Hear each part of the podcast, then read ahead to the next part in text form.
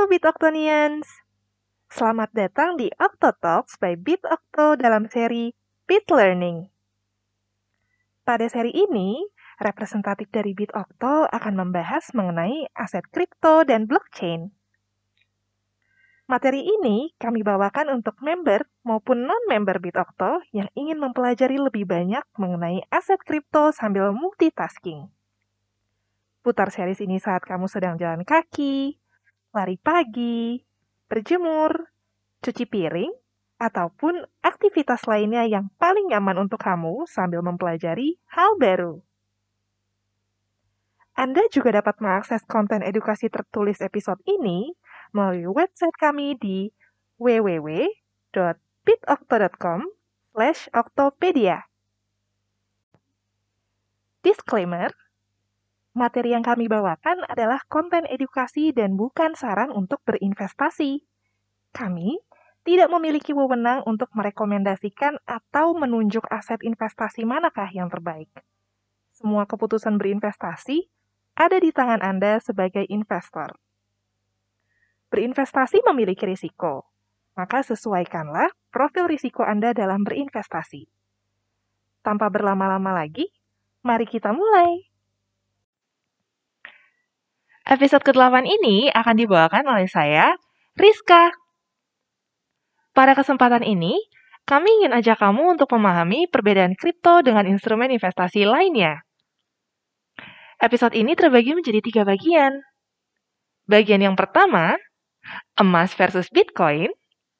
Bagian kedua, saham versus kripto.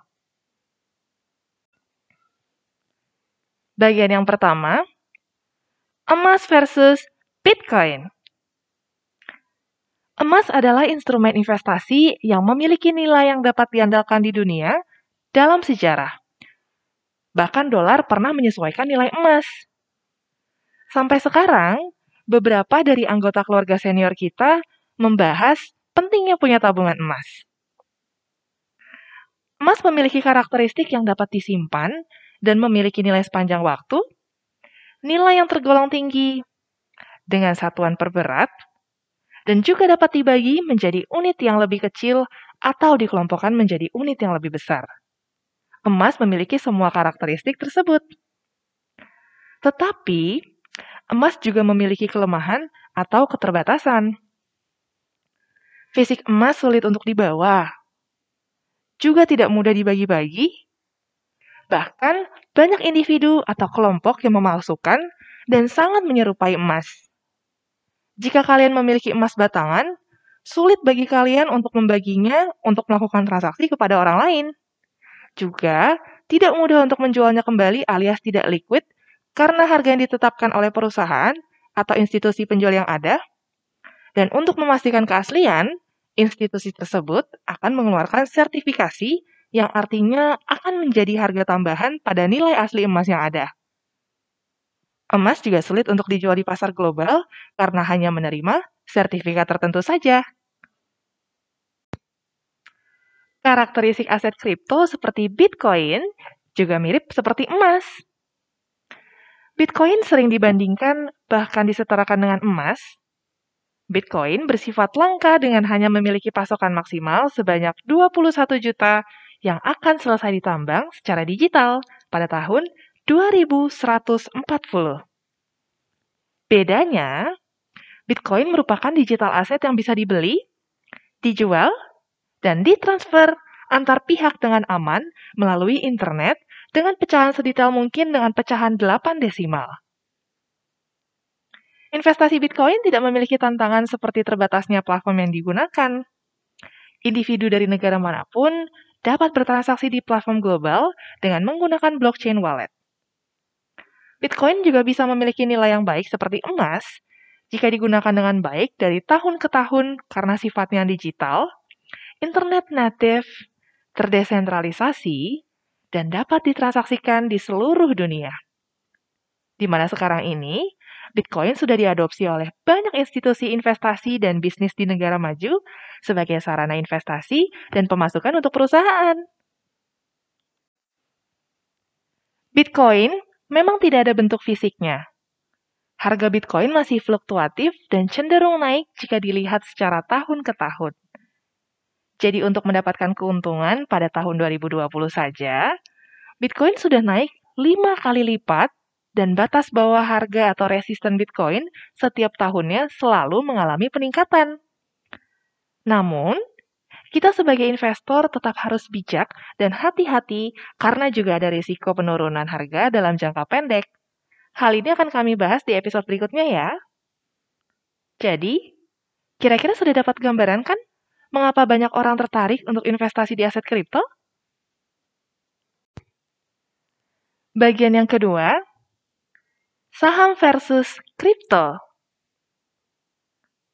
Perbedaan yang paling dasar dari saham dan aset kripto adalah aset apa yang sebenarnya direpresentasikan dalam instrumen tersebut. Seperti yang kita ketahui, saham merepresentasikan kepemilikan berupa surat kepemilikan suatu perusahaan. Di sisi lain, kripto merupakan aset digital yang merepresentasikan proyek teknologi perangkat lunak serta kegunaan yang berbeda-beda yang didasari oleh blockchain. Namun tidak serta-merta merepresentasikan kepemilikan kamu terhadap perusahaan issuer aset digital tersebut kita akan bahas rincian masing-masing proyek. Salah satu perbedaannya adalah jam perdagangannya, di mana saham memiliki waktu yang sudah ditetapkan oleh IDX yang dibagi menjadi dua sesi, pagi dan siang, melainkan kripto akan selalu dapat diakses selama 24 jam dalam 7 hari di seluruh dunia, kecuali pada saat waktu platform kami maintenance untuk meningkatkan keamanan dan kenyamanan investor. Transaksi perdagangan pasar kripto dapat dilakukan kapan pun. Dengan BitOcto, kamu bisa melakukannya di mana pun melalui website maupun aplikasi. Perbedaan berikutnya adalah peraturan dan regulasi. Setiap negara memiliki peraturan dan regulasinya masing-masing dalam mengatur pasar saham. Sedangkan untuk market kripto, tidak ada badan pengurus pusat yang menegakkan peraturan tersebut, melainkan tergantung dari perspektif regulasi dari setiap negara. Perbedaan lainnya antara saham dan kripto adalah kecepatannya. Ketika kamu ingin melakukan order di pasar saham, kamu harus masuk ke dalam antrian order dan mengikuti jam perdagangan. Berbeda dengan kripto. Transaksi diproses secara instan, sehingga kamu bisa melakukan jual beli aset kripto dengan waktu yang relatif lebih cepat. Sekian untuk podcast Octotalks, seri Bit Learning episode ke-8. Jangan lupa untuk follow Spotify, Instagram, dan Telegram Bit Octo untuk informasi terupdate dari kami ya. Sampai bertemu di episode berikutnya, Bit Octonians.